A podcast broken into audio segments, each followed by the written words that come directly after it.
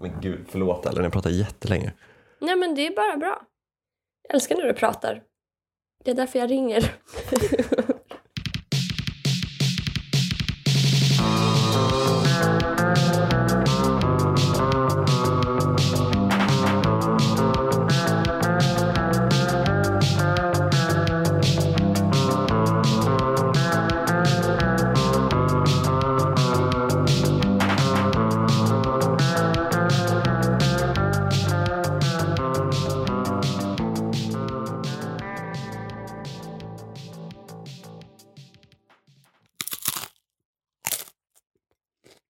Hej Ellen Piamber. Hej Kim Eklöf. Jag äm, äter. ja. Vi spelar alltid in tidigt på morgonen. Mm. Jag tänkte jag kunde kombinera frukost och poddinspelning. Jag kunde smyga äta en macka under tiden. Mm. Jag spelar ju in i duschen. Men så tänkte jag, vad ska jag äta för någonting under poddinspelningen? Så bara, hmm, Finn krisp. Fan vad gott. Utan att tänka på att det ligger liksom rakt där i namnet. Att man inte Ja, får precis. äta det när man spelar in saker. Poddar. Mm. Det är deras slogan. Nu kom det upp en flashnotis här. Evolutionspsykologi kan vara förklaring till att män tafsar. Va? Alltså det här är verkligen DN. Gissa vilken tidning som säger att tafs är liksom en psyko- evolutionspsykologiskt eh, betingat. Men det här är varför jag inte, alltså Tafsar. exakt, för att jag missade evolutionen. Jag låg och sov då. För att du är liksom nedstigen direkt från himlen. Nej men det här är varför jag inte klarar av eh, DN, tror jag. Mm. För att det är så mycket som inte är liksom nyhetsrelaterat. Alltså så här, det, här, det, är mycket, det är mycket kring det mänskliga tillståndet. Och, och det är inte nödvändigtvis Ja, dåligt, det är just jätte, det. jättekul. Men Mm. problemet med DN tycker jag att det väldigt ofta är att det handlar om det mänskliga innerstad, tillståndet att bo i Stockholms innerstad, ha pengar och vara ledsen. Ja, absolut. Och det, man anar en viss um, bias. Ja men ex- exakt, men alltså, alltså SvD då, som jag läser, Mm. eh, tycker jag är mycket, mycket mer liksom, det är nyheter. Ja, det är verkligen inte en nyhet. Alltså det här, just det här evolutionspsykologi och sådär som också känns väldigt DN. Mm. Alltså va, varifrån kommer våra beteenden? Jo, de kommer från savannen. Typ. Alltså det är ju verkligen inte en nyhet. Att det, är, ja, det är en- literally liksom en 200 000 år gammal nyhet. Men känns inte det väldigt mycket också en DN-person och typ stå på en fest Mm. och liksom för, ja, förklara olika... Vi, har, vi, eh, vet du varför du rycker till innan du somnar? Ja, det är för att du brukar sova i träd. Mm. Vet du varför du blir ledsen när din pappa inte vill prata med dig? Ja, men det har med savannen att göra. Mm. Man bara, eller Ja. för att jag ville prata med honom. Alltså så här, va? Ja. Tack, vad bra jag mår nu. Det är okej pappa, jag förstår att du minns hur det var på savannen. Alltså så här, det är kul, men det, det är liksom det, kombinationen av den, en extremt hög fana och liksom kackel. Mm. De skulle ju kunna ha den här “Democracy dies in darkness” som sin slogan. De låser upp sajten så att man ska kunna läsa en artikel om att tafsande är, liksom, har att göra med evolutionspsykologi. Ja, men det är det, Om att inte de folk får tillgång till det här till så- höger, till höger och vänster. Alltså SvD har aldrig låst upp sajten. De skulle kunna vara Nej. så att de bara, vet ni vad, nu är det inflation och krig. Vi nu kostar låser det fem, sajten. Ja, men så här, nu kostar det 50 spänn till. Fuck Ja. you. Nu får, då får ingen läsa tidningen. Ja, tyvärr. Man blir, jag blir shadowbannad från SvD. Det bara finns ingen förklaring. Att man bara, läste inte jag den här nyheten förra veckan? Du tillhör den lägre stående klassen. Du, du, du kommer snart att utrotas ändå. Du får inte läsa SvD. Mm. Punkt 293. Okej, förlåt, men måste prata av mig om alla sjuka saker visselblåsaren från Cambridge Analytica berättade. Mhm. Mm. Den här punkten skrev ju du. Kommer du ihåg det? Ja. Kommer du ihåg vad visselblåsaren från Cambridge Analytica, eller snarare så här, Ja. kommer någon ihåg Cambridge Analytica? Ska vi börja där? Och Ja. ge en liten kort bakgrund. ja.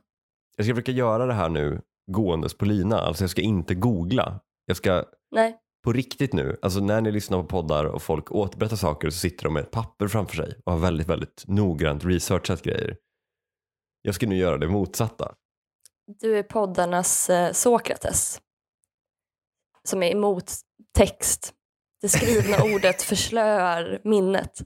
Det är gulligt hur mycket skrivet ord det är i ljudmediet podd.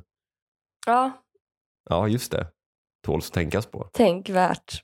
Nej, men, men Cambridge Analytica var ju ett analysbolag som, ja, därav namnet, som jobbade med data från sociala medier, jätten Facebook.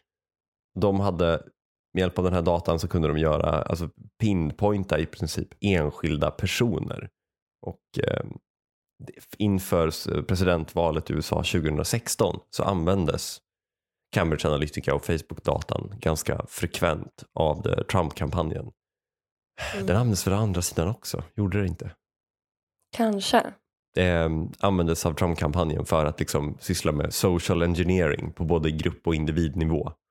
Eh, Mm. kombinerat med liksom bottar, märkliga annonsköp eh, och liknande. Och det var efter Cambridge Analytica-skandalen som det liksom blev en ganska stor förändring i annonsmarknaden. Var, var var du när Cambridge Analytica... Nej, kommer du ihåg eh, någonting om Jo, men det den här jag. eh, nyheten? Men framför allt så kommer jag ihåg för att jag jobbade ju lite med annonsköp eh, Ja. när det här briserade. Alltså att Ja. jag satt i, när folk säger att de jobbar med annonsköp, om de inte sitter i någon sån cool platform, vilket de säkert gör, eh, så kan man göra det direkt på ehm, på Facebook Ad Manager som säkert heter Meta Business nu.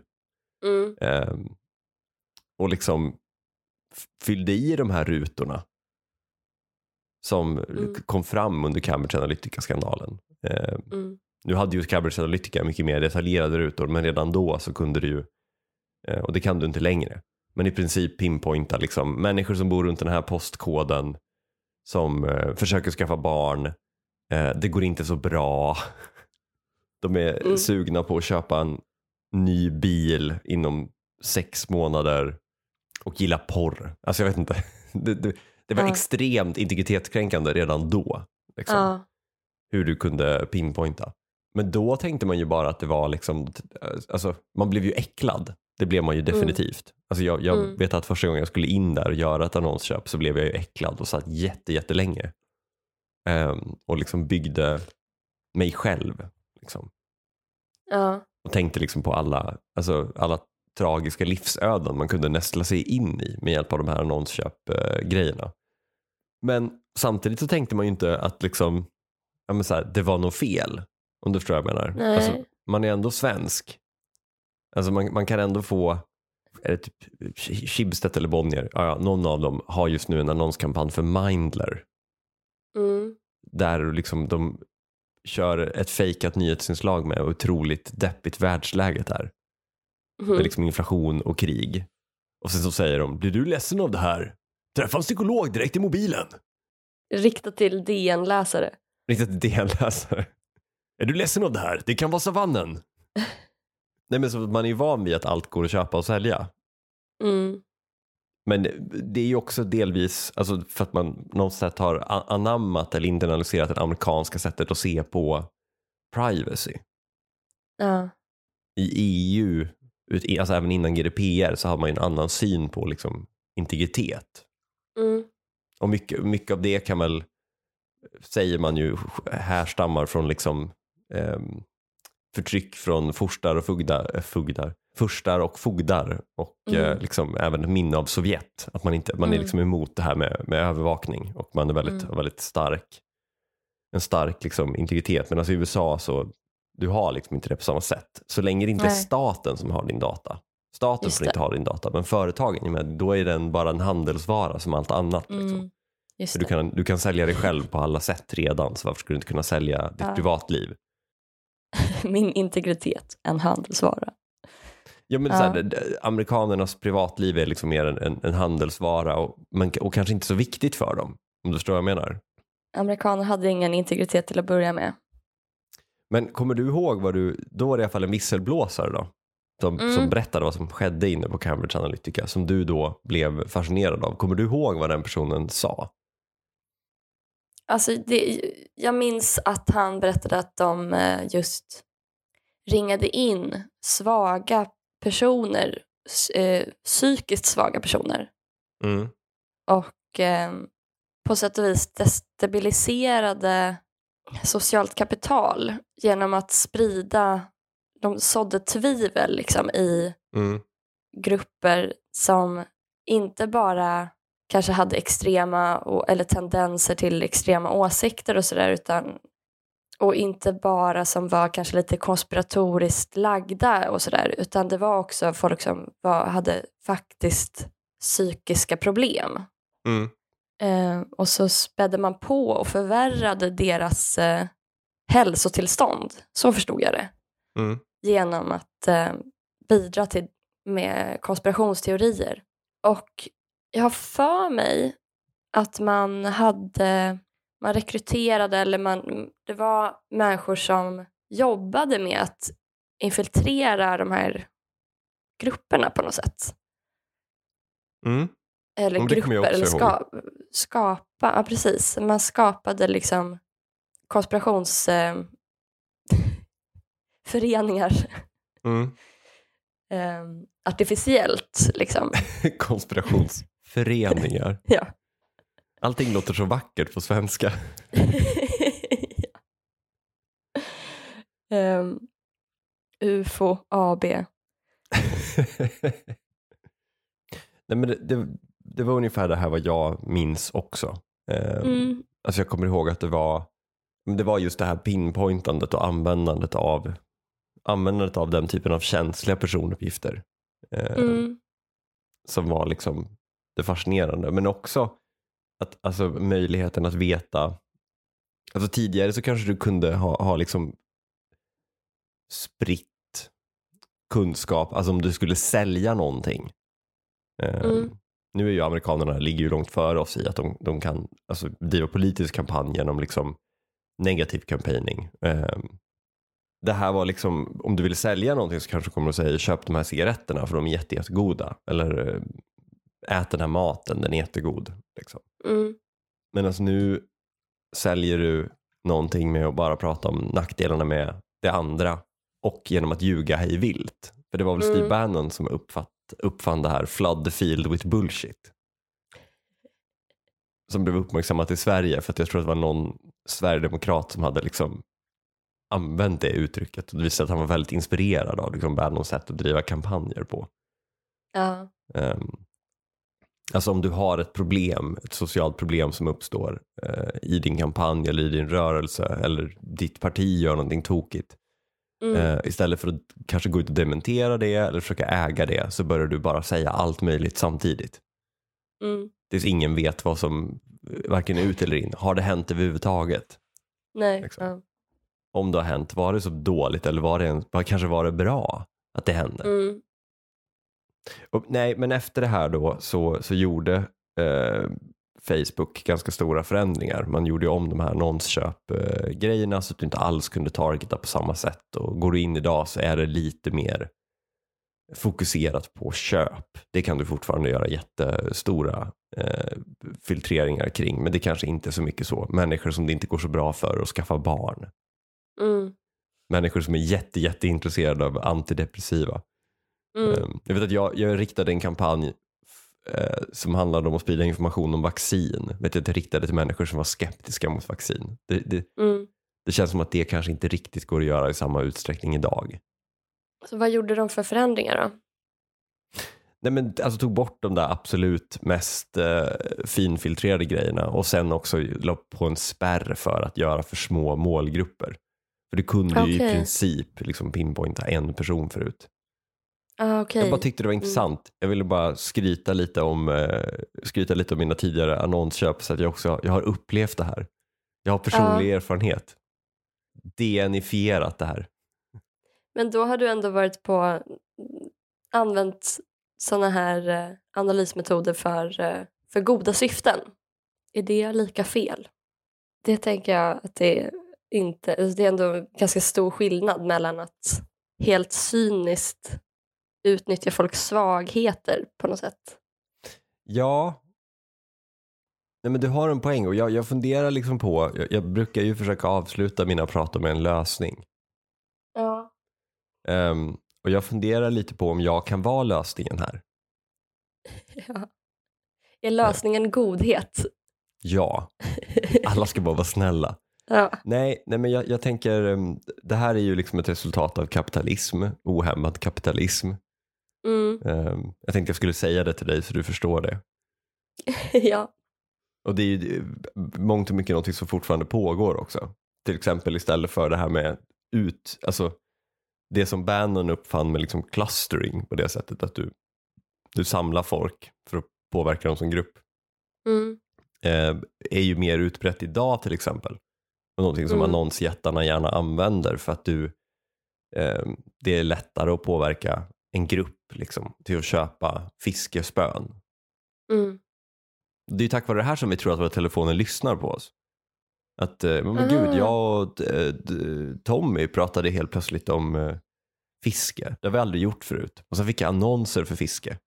Mm. Ja, men då tillhör ni en grupp som targetas för fiske. Bara Tommy får annonserna före dig. Mm. och sen får du annonserna. Och så pratar du om fiske och sen så är det någon annan som får annonserna. Mm. Så, att, så att det där används ju mycket mer sofistikerat idag än vad det Mm. gjorde förr. Men anledningen till att, det här inte, att vi inte slutar med det här överhuvudtaget är att det inte finns några regleringar för att vi har marknadskapitalister i styren runt om i världen. Mm. Ehm, och då tänker jag att jag kan liksom komma och berätta då att jag har, att jag som statlig förlängd företrädare för stat, kommun och region också Mm. haft tillgång till den här datan Mm. när jag varit annonsköpare. Ja. Då helt plötsligt så är det ju diktatur. Just det. ja. Ja men exakt, det, det, är säkert, det är jätteeffektivt Exakt. för att få folk att förstå att det är fel. Försäkringskassan kan skicka ut liksom pappers, eh, papper för föräldraledighet redan när man liksom börjar googla på och ligga runt. Man har eh, liksom googlat så. Eh, kli- kliar på kuken, könssjukdom. Bam, så kommer det hem liksom ett test från 1177. Vad är det här? Sovjet?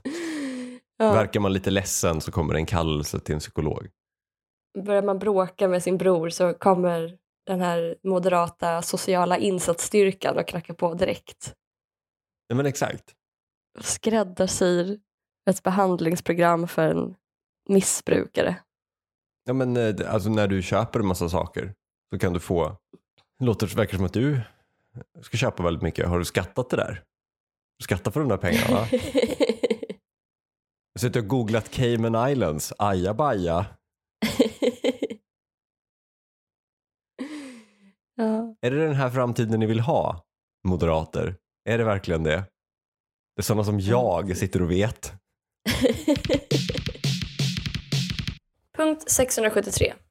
Specialinslag. Vi intervjuar en äldre människa om hur de kan vara så kassa på datorer. Hur kan du inte mejla en bild till mig, men du kan mejla ett Word-dokument med en bild? Att få in en bild i ett Word-dokument är det svåraste vi har i det här landet. Och så skriver jag, det här är en av mina hjärtefrågor. Hur kan vi svika så stor del av befolkningen? De bara, hallå, vi är inte döda än. Kan ni åtminstone ha hyfs nog att vänta en halv sekund med att digitalisera exakt alla delar av samhället tills liket har kallnat? Vill du säga någonting eh, om det här att äldre människor är kassa på datorer? Ja, men det är ju roligt att en spaning fortfarande håller. De har inte lärt sig. De har inte dött än. De har inte dött.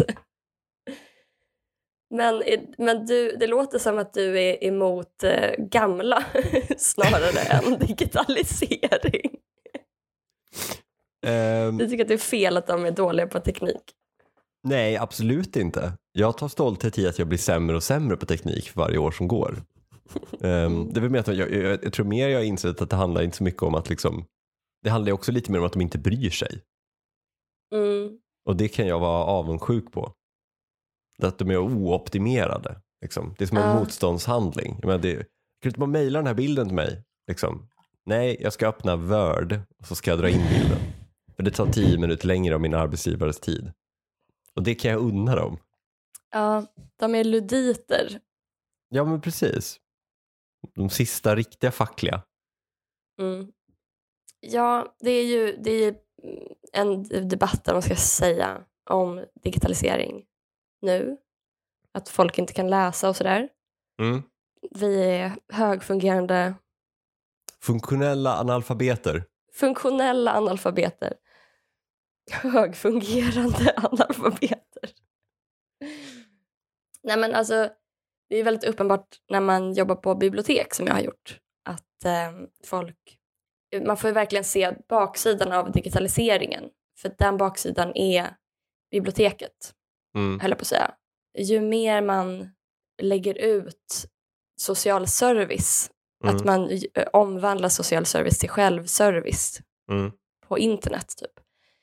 Den självservicen är bibliotekarieservice. Så att det är liksom en jättestor del av eh, bibliotekariens jobb att hjälpa folk klicka på en dator Mm. eh, och eh, skriva ut papper och ja, göra myndighetsärenden online Mm. då. Alltså det, det är ju mycket myndighetsutövning som läggs alltså i det här förhatliga ordet självservice. Alltså Mm. kalla det vad det är, eget arbete. Det är ingen Ja. service i självservice. Nej, precis. Det är motsatsen till service. Ja, på det här hotellet har vi själv room service. Vilket innebär att du kan gå till en affär och köpa något om du vill ha någonting. Du kan Ja. också själv få tvätta dina handdukar. Alltså, Ja.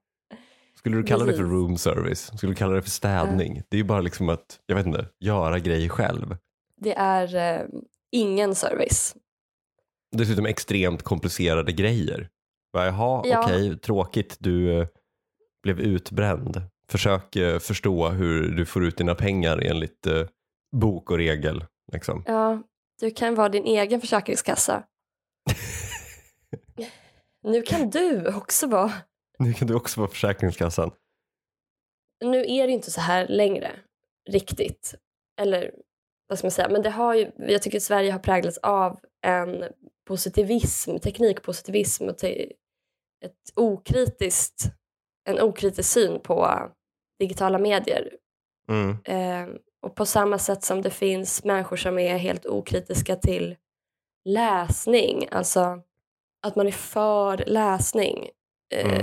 Som att man, av vilken skitbok som helst typ. Du har fortfarande inte släppt att Zlatan-boken var liksom typ den mest sålda boken i Sverige i flera år. ja. Guinness rekordbok eh, är det alltid som är mest läst och sådär.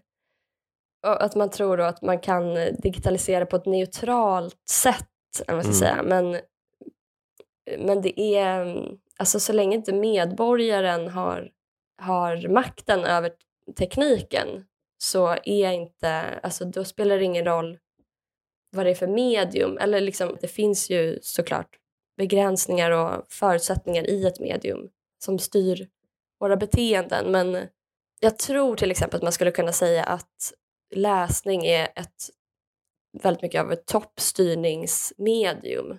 Mm.